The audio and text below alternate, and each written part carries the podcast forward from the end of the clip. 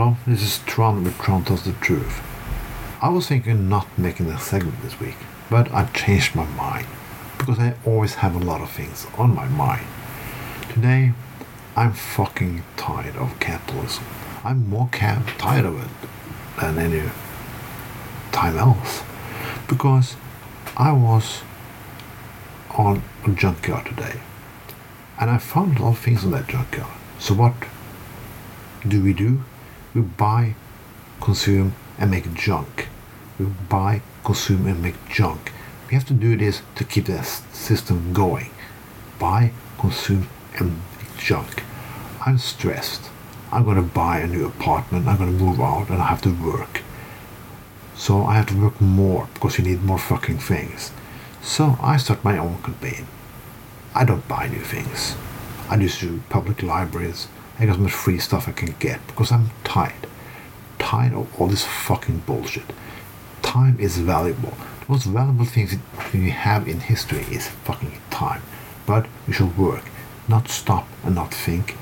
Work, work, work. We love watching those little screens. What is next? What is now? What is new? What is not? What is new again? It's stressful.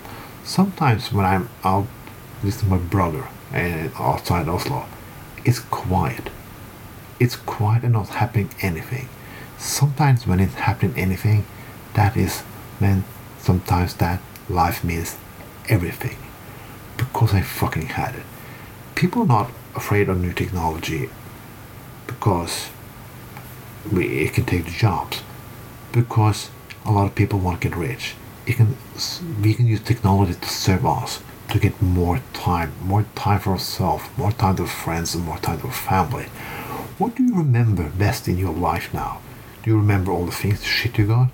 Or you most nice times you have with people?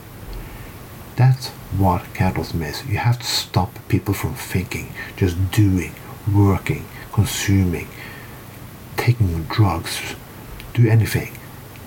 Let them get away from reality. Because the only real thing is work as fuck fast as you can, as much as you can, and try to be like an ideal who will never be there. Jesus was a fucking hippie. He loved taking time off with his friends and drink and philosophy. But not today's Christians. Work hard, work hard, work hard, and fucking die while you're doing it. I'm not gonna do that because next year I'm becoming a father and I'm gonna spend time with my son. I'm gonna spend time learning him to be other things, all the bullshit that's happening today. Time is valuable. Time is everything.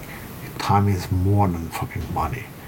That's why I gotta use more time on this, making podcasts and fucking be more creative. So next time we're speaking, I may have a new podcast idea going up. Yes, it's called To Hell with Tron, and I'm gonna be harder. One hour show.